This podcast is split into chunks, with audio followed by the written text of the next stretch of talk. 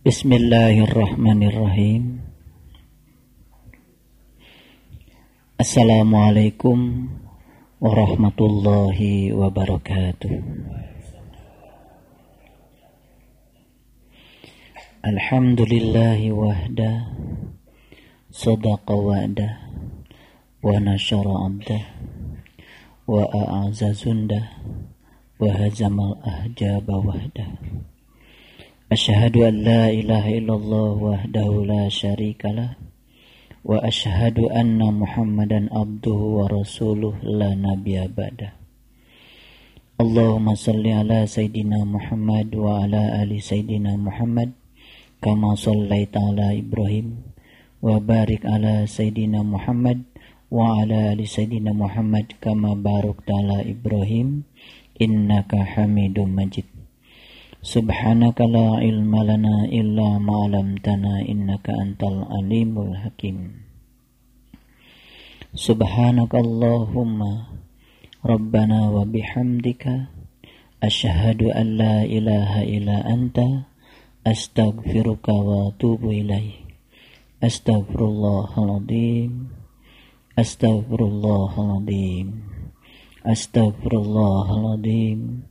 الذي لا إله إلا هو الحي القيوم وأتوب إليه من جميع المعاصي والذنوب لا حول ولا قوة إلا بالله العلي العظيم اللهم ألحمنا رشدي وأعدنا من شر نفسي اللهم أغننا بالعلم وزينا بالحلم وأقرمنا بتقوى وزملنا بالعافية اللهم انفعنا بما علمتنا wa alimna ma yanfa'una wa zidna ilmana fiman wa sallallahu ala sayyidina Muhammadin wa ala alihi wa sahbihi wa barik wasallam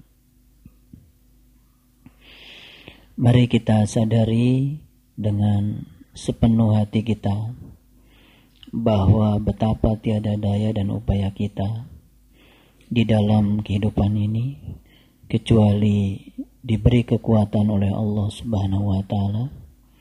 Mari kita sadari bahwa malam ini saat ini kita telah dihadirkan oleh Allah di tempat ini karena kasihnya yang luar biasa untuk kita. Oleh karenanya mari kita syukuri kenikmatan ini dengan membaca hamdalah.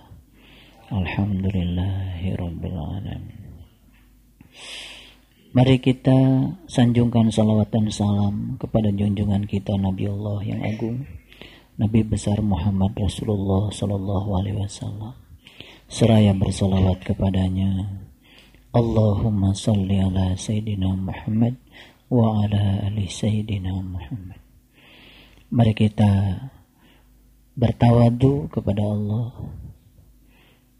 Kita mohon ridho dan berkahnya Semoga Allah membukakan pintu pemahaman bagi kita, memberikan kemudahan untuk mengamalkan apa yang kita fahami, sehingga berbuah perubahan pada diri kita menjadi lebih bernilai di dalam kehidupan ini. Seraya kita memulai majelis ilmu ini dengan membaca basmalah. Bismillahirrahmanirrahim.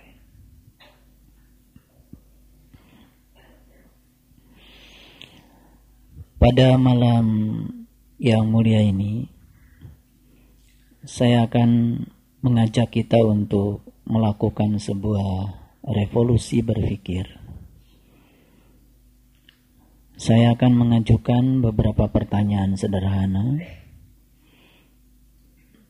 dan saya mohon semuanya menjawab pertanyaan-pertanyaan ini dengan kejujuran sehingga nanti kita akan mendapatkan suatu hikmah yang besar dan kita bisa berhasil melakukan sebuah loncatan pola pikir dari pola pikir yang biasa ke pola pikir yang luar biasa. Ini kaitannya dengan Quran surat Ibrahim ayat yang ke 10 dan selanjutnya.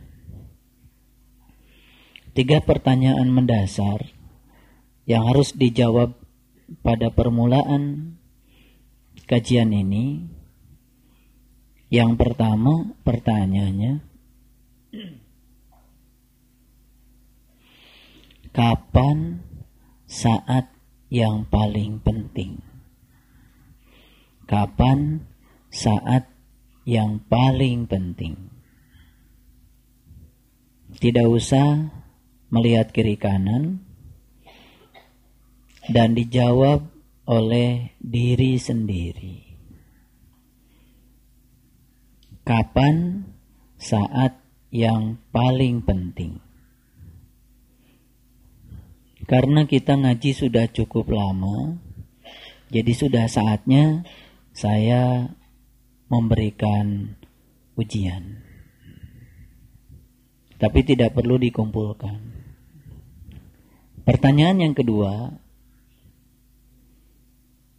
siapa yang paling penting? Tentu saja di dalam kehidupan ini ya. Jadi pertanyaan yang pertama tadi itu kapan saat yang paling penting di dalam kehidupan kita masing-masing? Yang kedua pertanyaannya siapa yang paling penting dalam kehidupan kita masing-masing? Dan pertanyaan yang ketiga adalah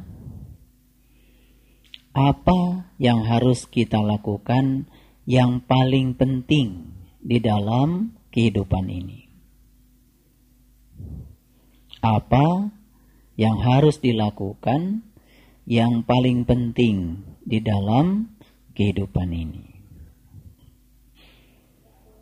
Silakan semuanya menjawab, boleh ditulis jawabannya atau boleh juga ditulis di dalam pikiran saja.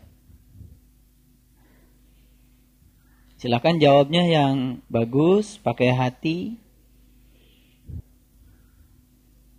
Sekali lagi, ini pertanyaan sederhana, tapi saya akan mengajak kita untuk melakukan sebuah loncatan berpikir dari hal yang biasa ke hal yang luar biasa.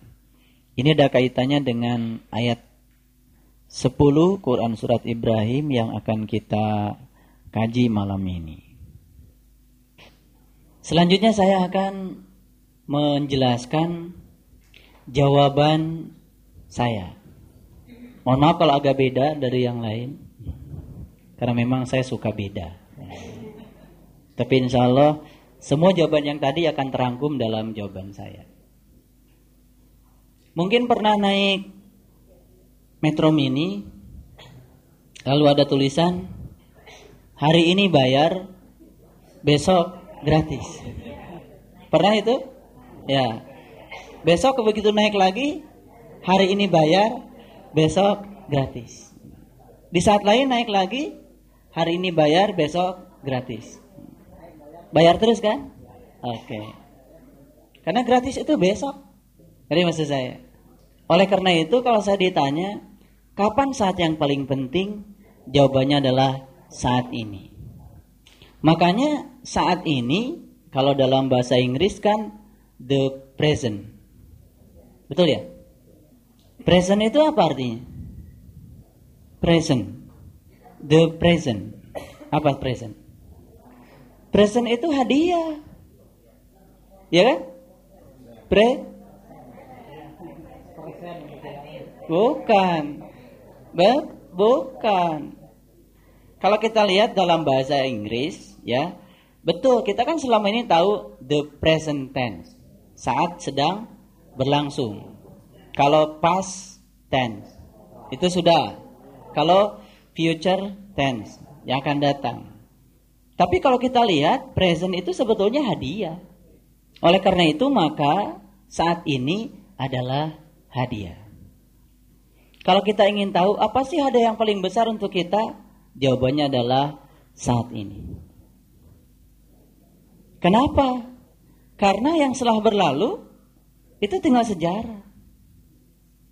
Tadi yang menjawab saat di mana saya akan itu nanti akan akan tercapai belum? Belum tentu. Sebetulnya saat yang paling penting adalah saat ini. Ngerti? Belum ngerti juga. Sabar. Ini loncatan berpikir masalahnya. Kemudian kalau saya ditanya, siapa orang yang paling penting?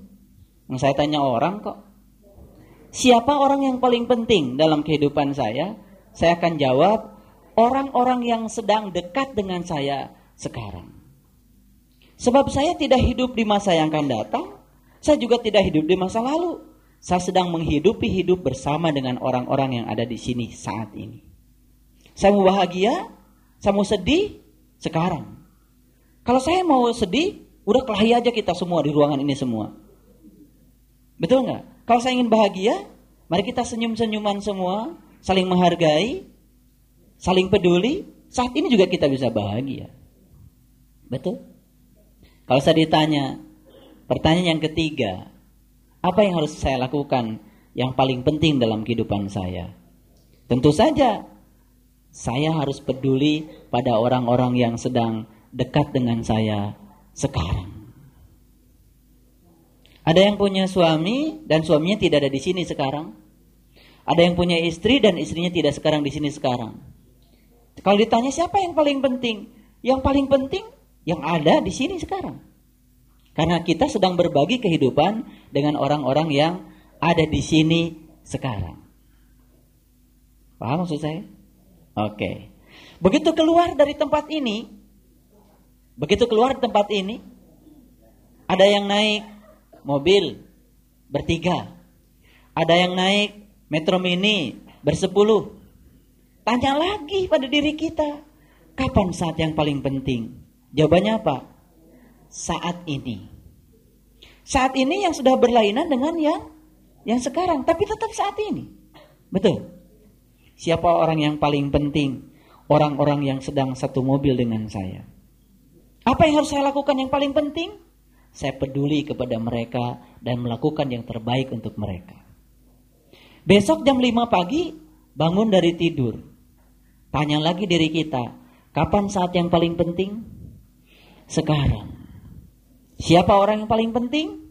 Adalah orang-orang yang sedang dekat dengan saya sekarang. Apa yang harus saya lakukan yang paling penting? Melakukan sesuatu kepada orang-orang yang terdekat dengan saya sekarang. Munculkan pertanyaan ini setiap kapan saja, maka kita akan tahu bahwa saat di mana kita ada itu adalah saat yang paling penting. Akhirnya semua tempat menjadi penting. Semua saat menjadi penting. Betul? Dan semua orang yang sedang dekat dengan kita menjadi orang yang paling penting. Dan akhirnya semua kita akan melakukan hal yang penting dalam hidup kita. Maka kita insya Allah akan menjadi orang yang penting. Ketika bangun dari dari tidur jam 12 malam, tanya diri kita, Kapan saat yang paling penting? Sekarang. Ketika kita memunculkan pertanyaan ini setiap saat, kapan saat yang paling penting? Beranikah kita menyia-nyiakan waktu? Karena semua waktu menjadi waktu yang penting. Kemudian, siapa yang paling penting? Lagi sendiri. Tidak ada siapa-siapa. Dapat tugas dari guru untuk melaksanakan nembah jati malam. Lakukan hal yang paling penting. Karena saat itu kita harus melakukan pelayanan untuk diri kita sendiri. Hal yang paling penting. Baik. Sekali lagi, saya bertanya, kapan saat yang paling penting? Jawabannya apa? Saat ini. Munculkan pertanyaan itu setiap saat, maka setiap saat menjadi penting. Saya tidak ingin pertanyaan ini dimunculkan di sini saja.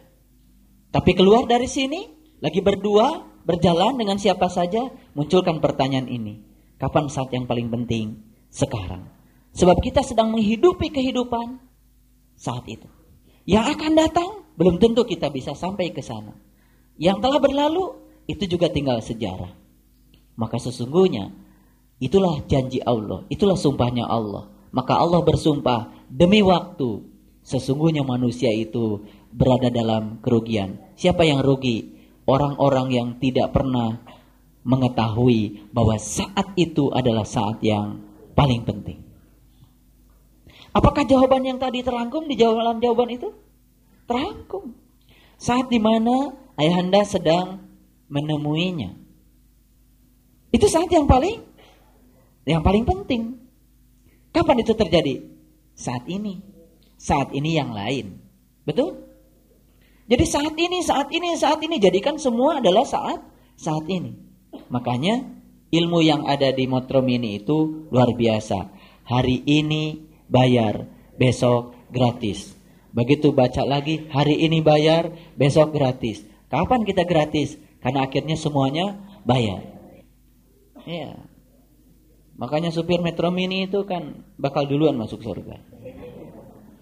Karena telah begitu dia nyetir itu membuat orang semuanya istighfar, kemudian baca kalimat thayyibah gitu kan. Mungkin la ilaha illallah, mungkin subhanallah. Ya. Beda kalau supir BMW malah tidur kan penumpangnya. ya. Iya. Makanya kalau ingin banyak istighfar itu naik Metro Mini. Astagfirullah. Astagfirullah. Ya kan? banyak ngerem. Subhanallah. Baik, saya akan teruskan. Jadi sebetulnya tujuan saya memunculkan pertanyaan ini untuk membuat agar setiap saat menjadi penting. Kapan pun kita bersama siapa, dia menjadi orang yang paling penting. Kapan pun, di mana pun, dengan siapa pun, kita akan selalu melakukan tindakan yang paling penting untuk mereka. Memberikan pelayanan, kemudian kita memberikan senyum, membahagiakan mereka, di situ letaknya kebahagiaan. Sampai di sini bisa memahami. Baik. Bagaimana supaya kita setiap saat itu bisa menjawab tiga pertanyaan tadi? Kapan saat yang paling penting? Siapa yang paling penting? Dan apa yang harus kita lakukan yang paling penting? Maka setidak-tidaknya kita harus punya empat bekalnya. Bekal yang pertama adalah atau boleh dikatakan bukan bekal ya. Tapi kalau seseorang itu selalu memunculkan tiga pertanyaan penting di dalam dirinya, maka akan muncul yang pertama adalah selalu merasa berkecukupan setiap saat. Baik, saya mau tanya sekarang. Ada yang suka masuk angin? Ada. Kapan terjadi itu? Kalau perutnya kosong. Salah siapa itu? Nah, masuk anginnya sekali, dua kali, sepuluh kali, seratus kali. Oh berarti perut kosongnya sering ya? Nah nggak apa-apa. Memang kita kan suka begitu, ya, melakukan hal yang salah berulang-ulang. Tapi intinya bukan itu. Ketika cuaca buruk, mungkin saja ada orang punya tubuh sangat terpengaruh oleh cuaca buruk. Karena ketahanan tubuhnya tidak kuat. Betul nggak? Ketika ketahanan tubuhnya tidak kuat, maka dia menjadi rentan terhadap penyakit. Kenapa ketahanan tubuhnya tidak kuat? Karena dia tidak bisa menjaga ketahanan tubuh. Salah satunya tadi sering perut kosong. Ya kan? Atau mungkin makan sih makan tapi nggak disiplin, ya kan? Tidak pernah memperhatikan keseimbangan gizi, ya kan? Dan lain-lain, tentu saja banyak hal.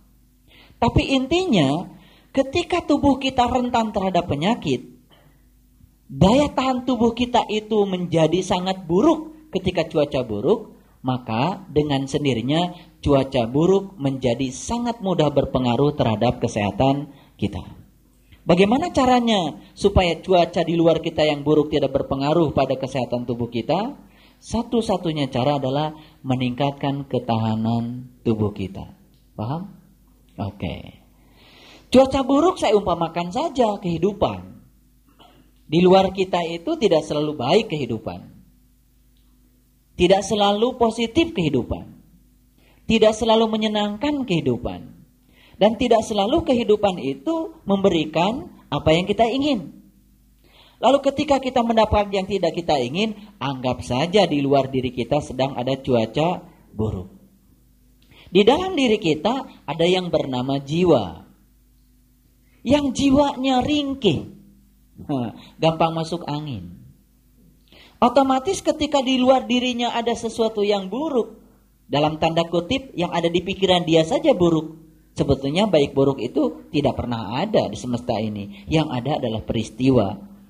Yang mengklasifikasi baik buruk kan pikiran kita. Otomatis jiwa kita akan rentan terhadap penyakit. Penyakit jiwa tentu saja. Betul? Oke. Maka tugas kita adalah mengelola baik dan buruk itu secara harmoni. Coba perhatikan lampu ini. Nyala nggak lampu? Kenapa nyala? Eh? Ada setrum. Kenapa setrumnya bisa ada? Ada? Ada? Ada generatornya. Generator itu menghasilkan positif dan negatif. Betul? Sama seperti baterai. Ada positifnya, ada negatifnya. Kalau baterai positif saja, nyala nggak lampu? Kalau baterai negatif saja, nyala nggak lampu? Ya enggak. Jadi sebetulnya positif dan negatif di semesta ini justru untuk membuat agar lampu kita menyala. Kalau kita bisa membuat yang positif dan negatif itu menjadi harmoni. Jadi ini bisa nyala karena apa? Positif dan negatifnya itu dikelola sedemikian rupa sehingga menjadi harmoni. Akibatnya nyala. Nah coba, lampu yang ada di dalam diri kita, kapan dia nyala? Ketika hidup kita positif terus? Enggak. Ketika hidup kita negatif terus? Makin gelap. Ketika kita bisa melampaui positif dan negatif dengan cara yang sama, lampu kita pasti akan tetap nyala. Sering gelap lampu kita? Sering. Kenapa itu? Koslet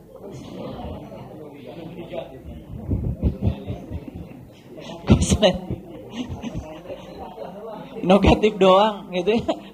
Nah, jadi makanya itu. Jadi sebetulnya kita itu tidak perlu kaget kalau dalam hidup ada positif dan ada negatif. Sebab itu bisa membuat lampu kita menjadi nyala. Sabar kita itu bisa menjadi naik kalau ada ujian. Kekuatan kita menjadi kuat kalau ada kalau ada ujian. Jadi sebetulnya itu untuk menaikkan tegangan kita. Kalau tegangannya tinggi kan lampu nyalanya juga jadi bagus. Betul nggak? Jadi perlu sebetulnya kita itu melihat kehidupan itu dua-duanya, positif dan negatif. Tapi tugas kita adalah mengharmonikan agar positif negatif itu menjadi serasi sehingga lampu kita nyala. Nah, saya ingin menyampaikan selamat yang lampunya semakin hari semakin nyala. Walaupun ujiannya juga semakin luar biasa, itu sudah tegangan tinggi itu. Hmm. Ada yang begitu di sini? Saya kira ada. Saya menyampaikan selamat. Saya bisa lihat yang lampunya sudah nyala itu kelihatan. Hmm. Senyumnya juga nyala. Hmm. Kelihatan. Ketawanya juga bahagia, ikhlas. Ya, tidak dua senti kiri, dua senti kanan. Pokoknya apa adanya. ikhlas. Nah, ketika kita itu bisa memunculkan tiga pertanyaan penting setiap saat, maka yang pertama yang akan kita dapat adalah kita akan merasa berkecukupan setiap saat.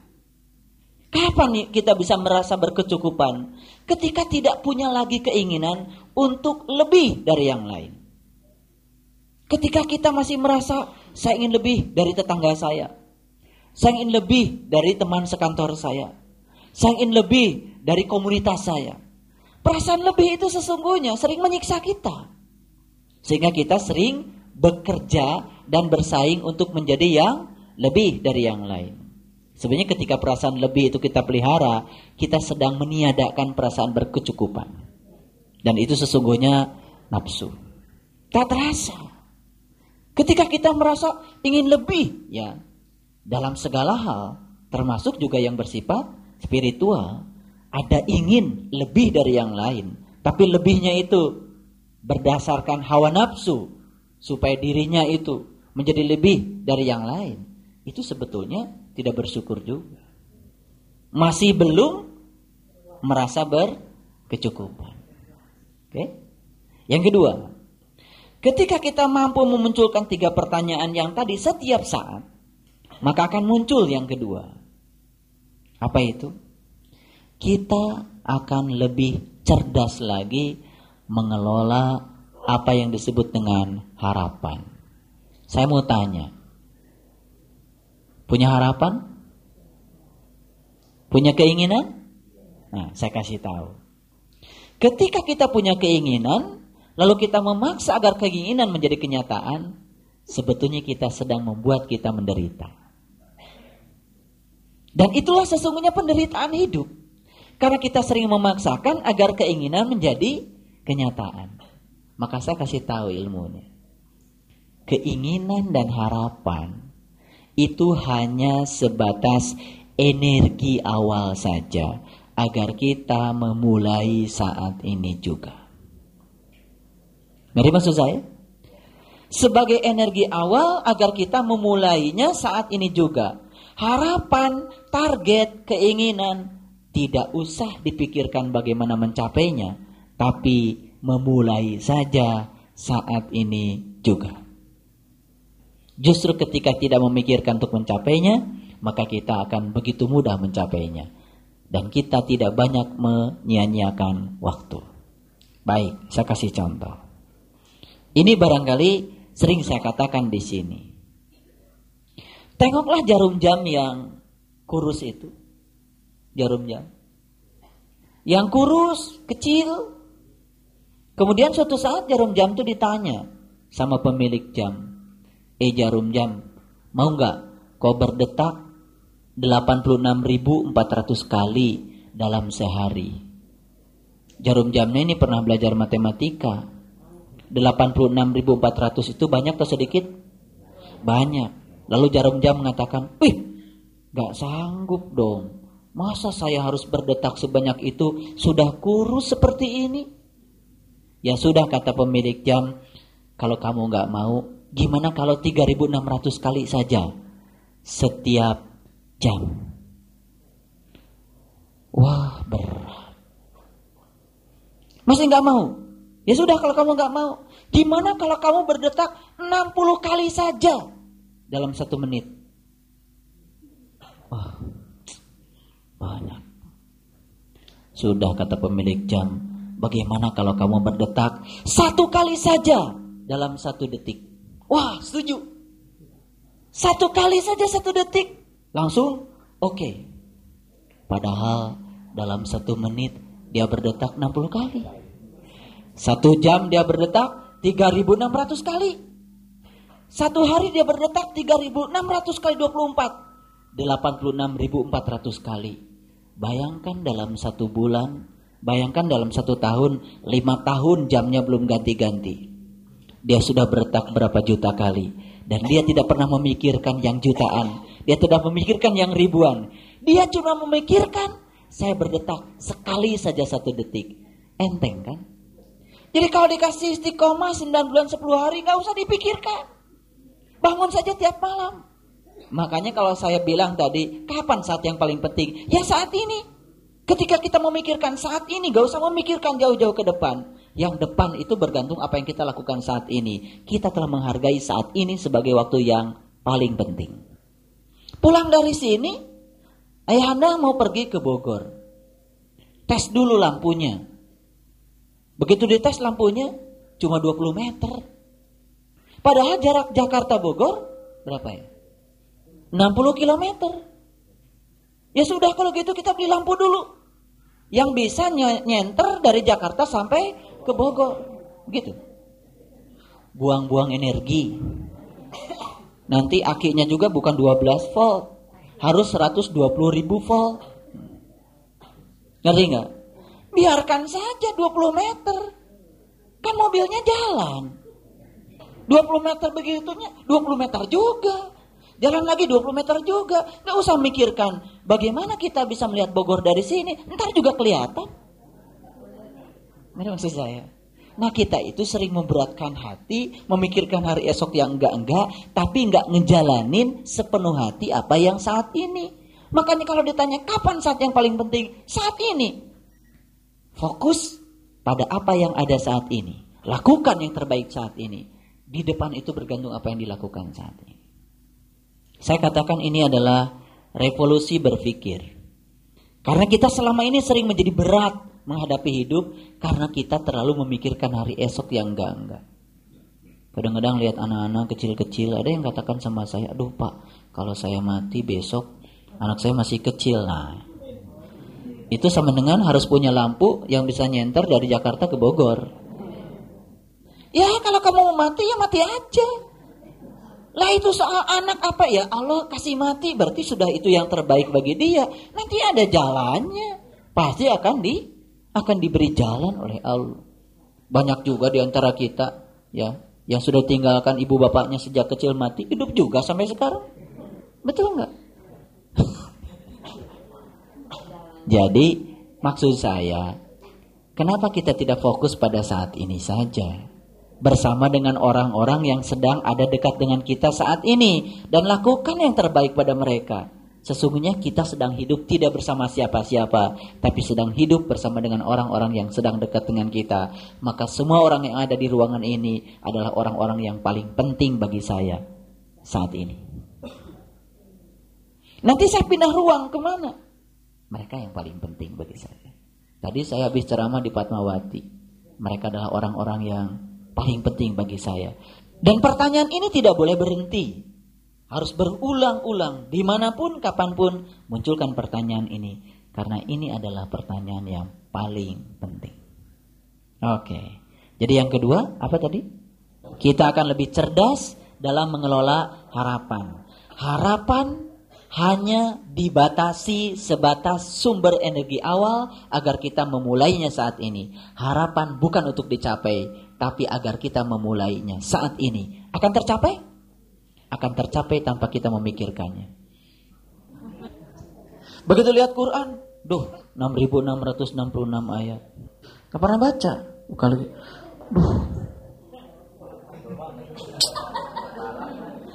Tebal banget.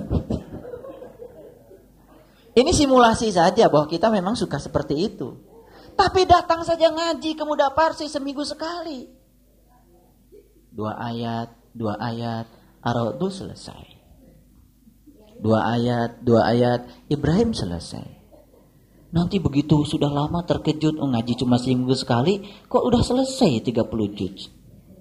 Rasul itu mengatakan, kebaikan yang sedikit dilakukan terus menerus. Itulah yang bernama kebaikan. Tapi kalau kita melakukan kebaikan yang banyak tapi cuma sekali, sesungguhnya itu bukan kebaikan. Itu adalah hawa nafsu.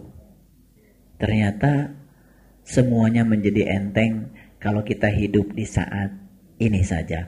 Fokus pada saat ini dan ternyata ini adalah revolusi berpikir. Kalau semua kita sukses memunculkan tiga pertanyaan penting tadi setiap saat, maka kita akan selalu menghargai orang lain. Tidak mungkin kita berbuat anarkis, tidak mungkin menyakiti orang lain karena mereka adalah orang-orang yang paling penting. Bagaimana Pak ketika saya berada dalam sebuah situasi di mana orang lain menyakiti kita? Harap tahu bahwa sesungguhnya ketika orang lain menyakiti kita, sesungguhnya mereka pun sedang menjadi orang-orang penting. Karena mereka sedang menghidupi hidup bersama kita.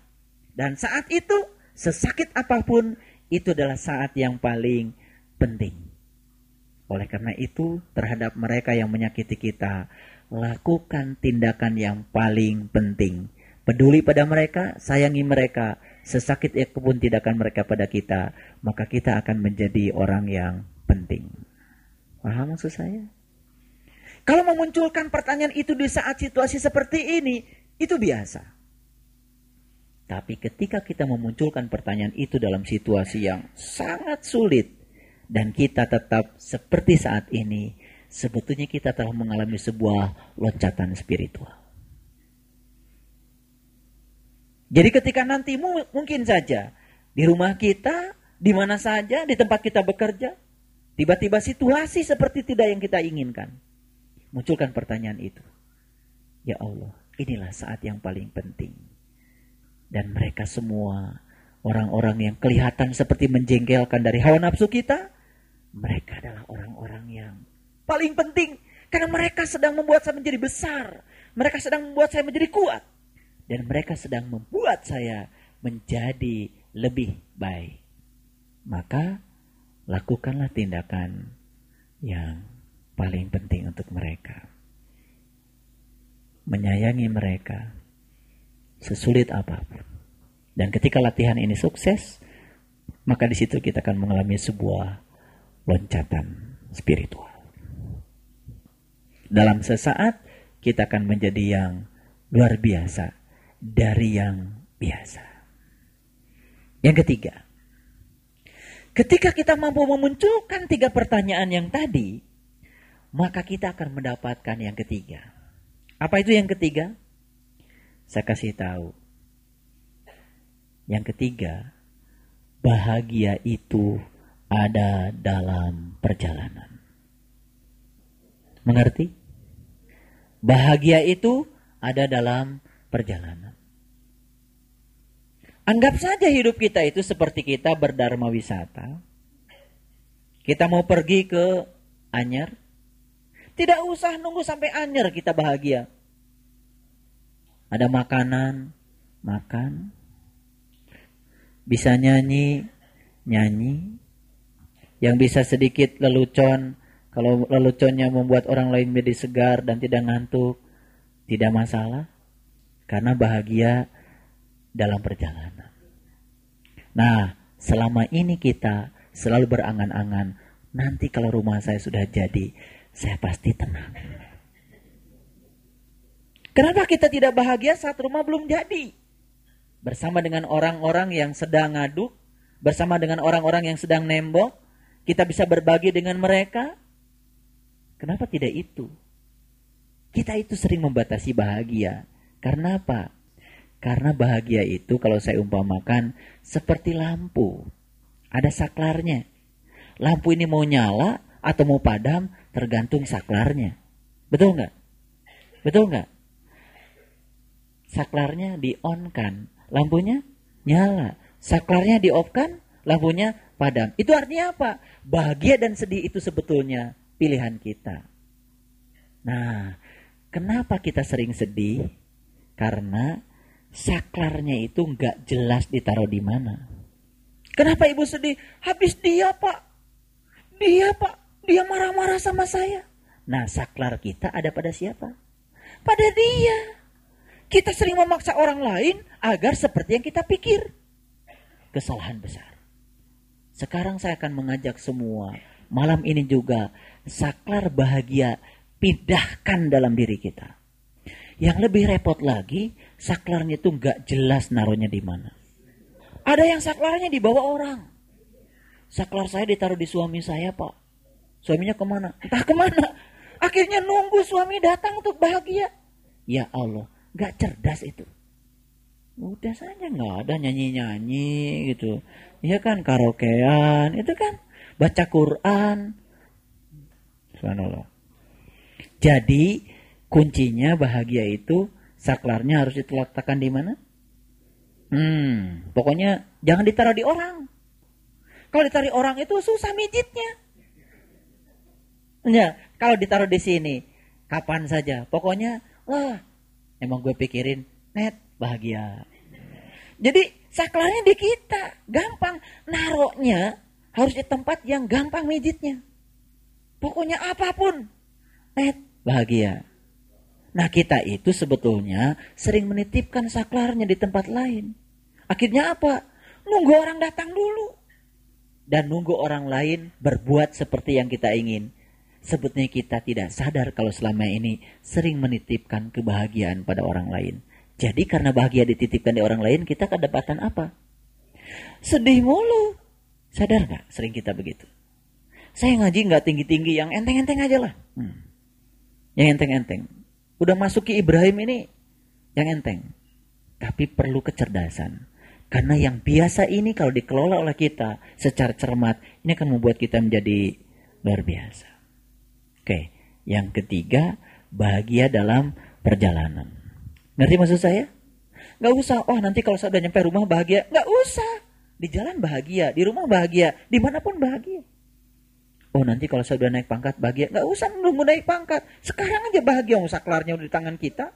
Tinggal net. Hmm, bahagia. Pokoknya nanti kalau ada orang lagi sedih-sedih. Emang saklarnya taruh di mana bu? Gitu. Ya kan? Kalau ada orang kirim SMS ya agak sedikit-sedikit sedih. Emang saklarnya taruh di mana, Bu? Gitu. Ya biar ingat saklarnya tarik lagi dalam dirinya. Iya, ngapain saya sedih? Net. Ah, bahagia. Ngerti nggak saya? Harus dijelaskan kayak gini baru ngerti. Ini sebetulnya mutiaranya Al-Quran. Quran itu mendidik kita untuk bahagia setiap saat. Cuman karena saklarnya ditaruh di mana-mana, bahkan yang gak jelas itu kita nggak tahu naruhnya di mana. Saklarnya dibawa ke mana-mana. Kadang-kadang yang lebih repot lagi, saya pak nanti bahagia. Kalau tabungan saya sudah 500 juta. Saklarnya ada di 500 juta. Nah yang 500 jutanya entah di mana. Sampai mati. Saklarnya nggak kita dapat. Yang 500 juta nggak dapat sampai mati sedih mulu. Gak rugi nggak kayak gitu? Subhanallah. Kasihan deh loh. Hmm. Ngerti sekarang? Oke. Yang keempat. Ketika kita bisa memunculkan tiga pertanyaan penting yang tadi, akan muncul yang keempat. Kita akan sangat peduli untuk membagi kebahagiaan pada orang-orang yang memerlukan kita. Coba Bayangkan kalau setiap kita, setiap saat kita selalu mengerti kalau mereka adalah orang-orang yang penting saat itu bagi kita, maka kita akan selalu melakukan tindakan yang penting untuk mereka. Setuju? Kecil-kecilan sekarang di sini. Saya sedang melakukan tindakan penting buat orang-orang yang paling penting yang sedang menghidupi kehidupan saya saat ini. Dan semua Bapak Ibu yang ada di sini pun sedang melakukan sebuah tindakan penting. Mendengar, menyimak, menulis, mungkin mengapresiasi. Bukankah itu sebuah tindakan penting? Di samping kiri kanan kita ada orang, tidak kita ganggu, biarkan mereka konsen, memberikan keleluasaan pada mereka untuk menikmati pengajian ini. Bukankah kita telah memberikan tindakan yang penting? Mungkin kita tidak menyadari kalau sekarang kita sedang melakukan tindakan penting. Kiri kanan kita kita hargai, tidak mau kita ganggu karena kita ingin memberikan tindakan yang paling penting untuk orang-orang yang paling penting yang sedang dekat dengan saya saat ini juga. Jadi ternyata kapan pun di mana pun akhirnya semua saat dan tempat menjadi saat dan tempat yang sangat-sangat penting maka kita tidak akan pernah kehilangan kesempatan untuk berbuat baik setiap saat karena kita menyadarinya. Subhanallah. Saya ingin tanya. Tiga pertanyaan yang tadi terasa sekarang? Terasa? Oke. Saya ingin agar apa yang saya munculkan itu bukan sebagai sebuah uh, koleksi pengetahuan, tapi rasakan saat ini juga. Walaupun kita belum memasuki tindakan nyata, tapi kita sudah merasakan. Setidak-tidaknya kita berucap, Subhanallah, betapa selama ini kita sering menyia-nyiakan waktu kita. Padahal semua waktu adalah waktu yang paling penting. Makanya saya mengajak, hiduplah di saat ini. Keluar dari sini saat ini, keluar saat ini, keluar terus saat ini. Dan ketika kita bisa memunculkan itu, subhanallah. Kita telah membuka keran kebahagiaan pada diri kita dan kita baru sadar bahwa sesungguhnya yang menutup keran kebahagiaan selama ini kita sendiri. Lalu kita sering mencari alasan karena orang lain tidak berbuat seperti yang kita ingin. Itu artinya kita masih menitipkan saklar kebahagiaan di tangan orang lain. Sekarang bismillahirrahmanirrahim. Tangkap saklar itu sudah ada di dalam diri saya. Kamu mau melakukan apa pada saya, tak akan mengganggu saya. Karena saklar itu sudah ada pada diri saya. Tidak aku letakkan pada dirimu. Dan setiap saat saya akan tetap bahagia. Cerdas? Dahsyat? Sangat dahsyat. Rasakan setelah keluar dari sini, perlahan yang saya kasih tahu, diamalkan, kita akan merasakan hidup kita akan lebih berkualitas dalam segala hal. Inilah sebetulnya buahnya ngaji. Buahnya ngaji itu adalah akhlak. Akhlak itu harus diawali dengan pola pikir. Kalau kita mikirnya sudah benar, maka tindakan kita juga akan akan benar. inilah bekal yang harus dimunculkan ya kepada kita setiap saat. Pokoknya kapan pun di mana pun pertanyaannya hanya tiga. Paham maksud saya? Oke. Sekarang mari kita lihat Quran surat Ibrahim ayat yang ke-10. Itu pemanasannya sudah satu jam. Berkata Rasul-Rasul mereka. Qolat rusuluhum. Apakah ada keraguan-raguan terhadap Allah, pencipta langit dan bumi? Dia menyeru kamu untuk memberi ampunan kepadamu dari dosa-dosamu dan menangguhkan ya siksamu sampai masa yang ditentukan. Jadi seorang utusan Allah itu peran utamanya tiada lain adalah membebaskan segala keraguan-raguan yang sering menyelimuti kita. Sebetulnya wujud keraguan-raguan itu di antaranya adalah yang empat tadi. Itu sebagai perwujudan keraguan-raguan juga. Kita sering merasa tidak berkecukupan. Sebetulnya itu adalah keraguan terhadap apa yang Allah takdirkan untuk kita. Kita tidak percaya kalau apa yang sedang kita alami saat ini itulah kadar kita. Itulah pilihan yang terbaik dari Allah untuk kita. Kita ragu kepada Allah. Seakan-akan apa yang terjadi sekarang itu bukan yang terbaik untuk kita dari Allah. Lalu kita berangan-angan untuk mencari yang di luar itu. Padahal yang nyata untuk kita yang ada di hadapan mata kita. Sering begitu kita. Sering. Dan keraguan-keraguan itu menyelimuti kita setiap saat. Akibatnya apa? Keraguan-raguan itulah juga yang menyebabkan kita menjadi tidak cerdas di dalam mengelola harapan. Lalu kita membiarkan diri kita diombang-ambing oleh keinginan kita. Tanpa kita tahu bagaimana membatasi keinginan agar keinginan tidak menjadi Tuhan kita. Lalu kita sering dipaksa oleh keinginan kita dengan kata harus. Pokoknya harus ini, pokoknya harus itu, pokoknya harus, pokoknya terus harus.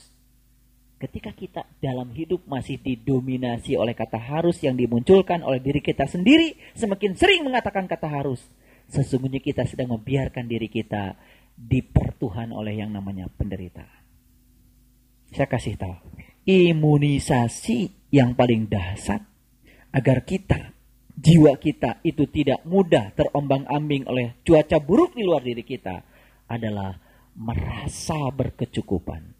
Terutama merasa cukup dengan Allah. Kapan seseorang merasa cukup dengan Allah? Ketika dia tidak ragu lagi kepada Allah. Dia yakin apa pun yang terjadi, itulah bagianku dari Allah. Itulah kasih Allah yang luar biasa untukku. Jangan menganggap kesulitan itu sebagai penderitaan karena kesulitan adalah kasih Allah.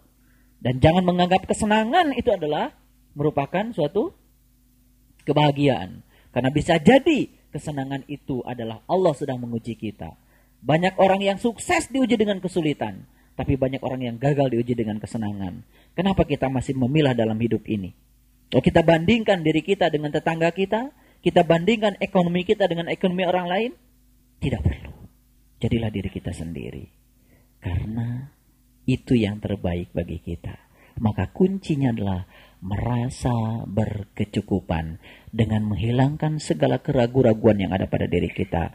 Mulai sekarang, hilangkan semua keraguan pada Allah dan yakin apa yang terjadi pada diri kita saat ini adalah pilihannya yang terbaik untuk kita. Saat ini juga kita akan merasa berkecukupan. Tidak sukses dengan cara seperti itu, munculkan tiga pertanyaan penting tadi. Setiap saat maka perasaan berkecukupan itu akan selalu menjadi milik kita. Baik, yang berikutnya. Ya. Apakah ada keraguan terhadap Allah?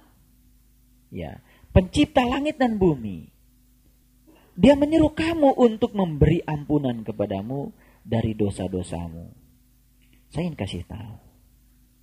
Sebetulnya kita selama ini menganggap bahwa ampunan itu berwujud sebuah penghapusan catatan amal yang dilakukan oleh Allah di dalam buku amal kita tanpa kita tahu. Padahal sesungguhnya ampunan Allah itu nyata dan terasa oleh kita. Ketika kita bisa keluar ya dari situasi bukan situasi yang sempit menjadi lapang bukan. Kelapangan itu bukan di luar diri kita, tapi di dalam diri kita. Ketika kita bisa merasakan sebuah rasa yang lebih damai, lebih nyaman, bahkan mungkin kita belum bisa keluar secara physically dari satu situasi kepada situasi yang lain. Sebetulnya ampunan Allah di situ sudah mulai hadir. Karena dia berwujud energi dan kita bisa merasakannya. Makanya bersyukurlah ketika kita merasakan Alhamdulillah saya merasakan kok lebih enteng karena sekarang manusia itu sedang berhijrah kebanyakan dari satu kegelapan kepada kegelapan yang lain. Sangat sedikit manusia yang hijrah dari kegelapan kepada yang terang benderang. Sebab untuk hijrah dari situ diperlukan pengorbanan. Makanya kita saksikan di mana-mana yang ada adalah kebencian, kemarahan, iri hati, bahkan banyak orang ya hanya untuk ya mengukuhkan ego keyakinannya. Lalu dia merasa berhak untuk menjustifikasi keyakinan orang lain. Dan dia seperti berhak untuk menyakiti siapa pun karena dia merasa sebagai yang terbaik untuk dirinya dari Allah. Dan itu adalah suatu kesombongan. Jadi ketika kelembutan sudah mulai datang, itu sebetulnya ampunan sudah datang. Ketika kebijaksanaan sudah mulai datang, kearifan sudah mulai datang, itu artinya keampunan sudah mulai datang. Subhanallah. Sebetulnya taubat yang sesungguhnya itu adalah ketika kita betul-betul kembali kepadanya. Bukan nangis, bukan apa, tapi betul-betul kembali sebagaimana kita adanya saat di mana kita belum dilahirkan ke sini. Makanya taubat yang sebenarnya adalah saat di mana kita menyatukan diri kita dengan dia. Itulah taubat. Subhanallah. Sekali lagi saya ingin menyampaikan selamat. Bahwa kita telah dipilih oleh Allah untuk mendapatkan ini. Mudah-mudahan kita bisa menjadi orang-orang yang amanah. Baik kita teruskan. Mereka berkata, Siapa mereka di sini? Ini kan surat Ibrahim itu lebih banyak percakapan antara ya rasul dengan orang-orang yang anti rasul yang menentang mereka dihadirkan memang untuk membuat sang rasul menjadi besar seperti negatif dan positif. Jadi kehebatan Nabi Muhammad di situ mampu mengharmonikan negatif dan positif menjadi cahaya. Jadi tugas kita adalah mengharmonikan positif dan negatif menjadi cahaya. Tuh. Ya. Jadi kalau Pak, saya gelap terus. Nah, itu belum harmoni positif dan negatif. Baik, kita teruskan. Ya. Kamu tidak lain hanyalah manusia seperti kami juga. Kamu menghendaki untuk menghalang-halangi kami dari apa yang selalu disembah nenek moyang kami. Karena itu datangkanlah kepada kami bukti yang nyata. Jadi sebetulnya kesulitan manusia sekarang ini adalah keluar dari persepsi dan literatur masa lalunya. Kita belajar agama, mohon maaf, kebanyakan bukan dari bukan dari kitab suci. Kita belajar agama kebanyakan dari literatur yang ada, yang sudah menjadi pola pikir masyarakat kebanyakan.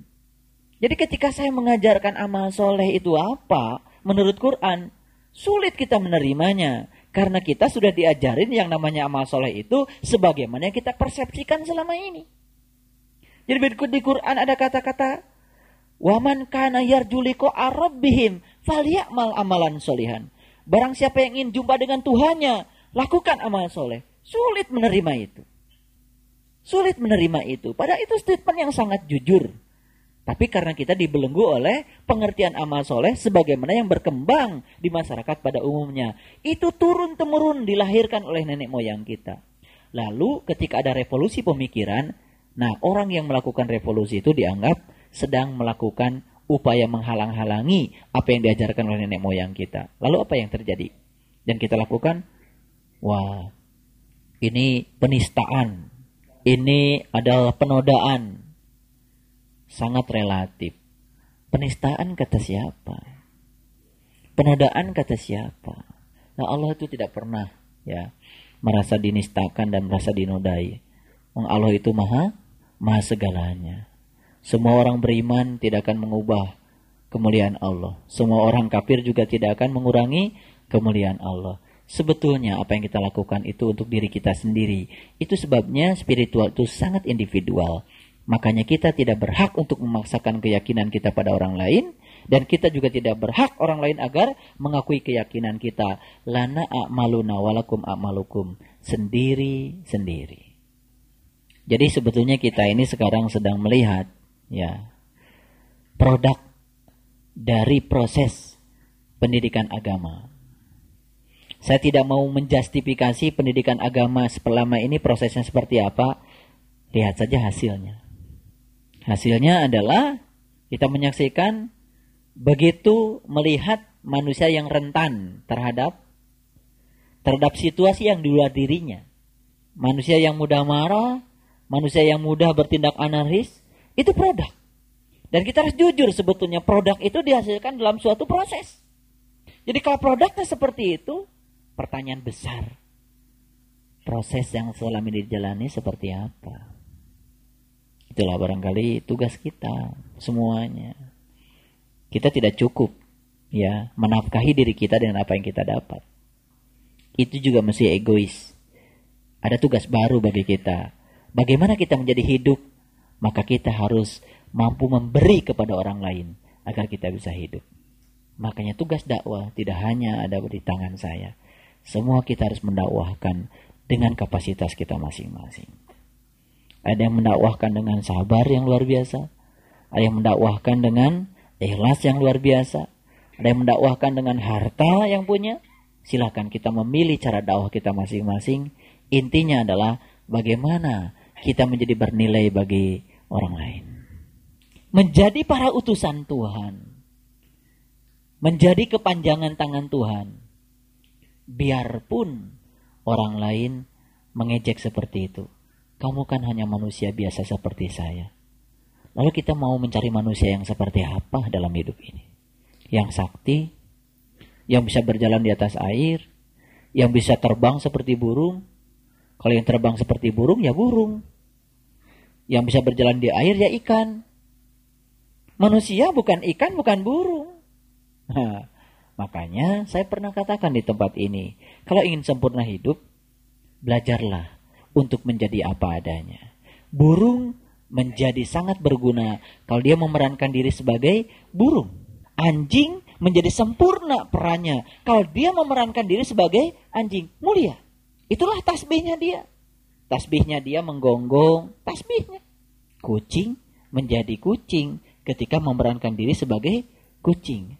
Yang celaka, manusia memerankan diri sebagai kucing, sebagai anjing. Akibatnya apa? manusia tidak menjadi manusia. Ketika manusia tidak memerankan diri menjadi manusia, di situlah manusia akan turun kemuliaannya di hadapan Allah. Itu yang disebut dengan ulaika kal an'am. Nah, makanya tugas kita adalah menemukan peran kita. Ya. Jadi jangan kecil hati dengan peran kita. Wah, saya Pak, perannya cuma tukang sapu. Oh, itu peran yang luar biasa. Tiap hari bikin bersih halaman, bikin bersih taman, itu peran. Dan kalau kita menyadari peran itu juga menjadi berkah. Nah kita itu sering menjadi ya menjadi kecil hati ketika kita tidak merasa berkecukupan dengan peran kita. Padahal sudah jelas Allah mengatakan, La in syakartum la azidanakum. Kalau merasa cukup, aku akan tambah. Jadi ternyata kunci untuk ditambah kenikmatan oleh Allah tuh merasa berkecukupan dulu. Ketika kita ingin lebih, ingin lebih, ingin lebih, nah Kata lebih itulah yang telah membuat kita menjadi menderita. Kalau kita memaksakan diri agar ya apa yang kita inginkan menjadi sebuah kenya kenyataan. So, itulah kegagalan hidup. Baik, kita teruskan. Ya. Rasul-rasul mereka berkata kepada mereka, kami tidak lain hanyalah manusia seperti kamu. Akan tetapi Allah memberi karunia kepada siapa yang dia kehendaki di antara hamba-hambanya. Dan tidak patut bagi kami mendatangkan suatu bukti kepada kamu, melainkan dengan izin Allah. Dan hanya kepada Allah sajalah hendaknya orang-orang mukmin bertawakal. Tempo hari saya pernah mengajarkan 10 atau berapa? 10 tips untuk membuat kita menjadi lentur. Ya, untuk menjadi orang yang bertawakal. Bagaimana sudah dicoba? Hmm. Subhanallah ya. Iya, kalau kita mencoba itu, yang pertama saja sudah luar biasa. Ya. Selalu membuat gelas kita kosong. Kalau gelasnya kosong terus itu jadi kaya. Karena setiap saat di mana pun akan banyak yang mengisinya. Tapi kalau gelas kita penuh jadi sombong, akhirnya apa? Kita sering melewatkan kesempatan dari orang lain untuk mendapatkan isi. Makanya kalau orang yang gelasnya kosong, orang baik adalah guru kita. Orang buruk pun menjadi guru kita. Makanya setiap saat kita selalu dihadirkan guru-guru kehidupan. Jadi jangan mengira guru kehidupan itu adalah orang yang suka ceramah seperti saya. Tidak. Guru-guru kehidupan adalah siapa saja orang yang dipertemukan dalam kehidupan kita. Mereka adalah guru-guru kehidupan kita. Yang baik, yang buruk, yang jahat, yang lembut, semua adalah guru-guru kehidupan kita. Kan terserah kita mau memandangnya seperti apa. Betul? Subhanallah. Nah, jadi ya biasanya ya orang-orang yang masih tertutup penglihatan kalbunya itu ya melihat sesuatu itu dahsyatnya itu dari sisi lahirnya saja. Padahal sebenarnya kedahsyatan itu akan terjadi kalau kita membuka sisi lahirnya. Di balik yang lahir itu adalah kedahsyatan. Seperti yang saya katakan tadi. Ya. Ketika kita melihat sisi lahirnya, bahagia itu ketika kita mencapai yang kita ingin. Begitu? Pada sisi batinnya, setiap saat dalam perjalanan mencapai yang kita ingin pun, sebetulnya bagi orang yang cerdas, dia sudah bahagia. Tidak usah menunggu. Ya, kan belum tentu kita sampai mencapainya. Betul nggak? Karena sebetulnya masa depan itu kan masih misteri bagi kita ya. belum tentu kita hidup sampai mencapai yang kita ingin. Jadi kenapa kita menyanyiakan untuk tidak bahagia saat ini juga? Baik ayat 12, mengapa kami tidak akan bertawakal kepada Allah padahal dia telah menunjukkan jalan kepada kami. Dan kami sungguh-sungguh akan bersabar terhadap gangguan-gangguan yang kamu lakukan kepada kami. Dan hanya kepada Allah saja orang-orang yang bertawakal itu berserah diri. Jadi dari ayat 10 sampai ayat 12 itu adalah bagaimana Allah mengajarkan kita bersikap di dalam hidup untuk bisa tetap damai di dalam menerima gangguan-gangguan dari siapa pun. Karena sesungguhnya gangguan itu adalah pupuk bagi kita untuk membuat kita menjadi besar. Dan kami sungguh-sungguh akan bersabar terhadap gangguan-gangguan yang kamu lakukan kepada kami. Inilah janjinya orang yang beriman. Bagaimana kita bersabar terhadap gangguan-gangguan yang dilakukan siapa pun kepada kita. Dan kita sebetulnya harus menyadari bahwa sesungguhnya gangguan terbesar itu berawal dari diri kita sendiri. Karena kita sudah sadar bahwa Fir'aun itu ternyata bukan sesuatu yang di luar diri kita. Bukan sekedar sosok manusia dalam sejarah, tapi Fir'aun itu adalah keinginan-keinginan kita yang sering menggeser kita dari sisi kanan ke sisi kiri, sesungguhnya itulah perwujudan Fir'aun juga bagi kita. Nah bagaimana kita tetap bersabar, terutama melawan ya hal-hal buruk yang ada di dalam diri kita, sehingga kita tetap istiqomah di dalam jali kehidupan ini, dan bertawakal dan berserah diri kepada Allah saja. Baik, tiga pertanyaan penting. Yang pertama, kapan saat yang paling penting? Yang kedua, siapa orang yang paling penting? Dan yang ketiga, apa yang harus dilakukan yang paling penting dalam hidup ini? Lakukan semua itu setiap saat. maka kita akan menjadi orang yang penting di mana pun dan setiap orang juga merasa dihargai oleh kehadiran kita. Maka kita akan menjadi orang yang ada dan ada, bukan menjadi orang yang ada tapi tiada. Insya Allah hidup kita akan menjadi bernilai. Sadaqallahul. Assalamualaikum warahmatullahi wabarakatuh.